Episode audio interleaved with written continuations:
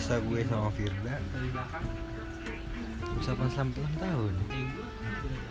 Hmm, masih banyak lagi deh yang tentang kisah gue sama Firda. Pokoknya lo harus pantengin terus podcast podcast gue. Situ dalamnya tuh ya cerita gue sama Firda doang sih. Tapi ya insya Allah asik kok. Stay tune pantengin pantengin terus update gue setiap hari minggu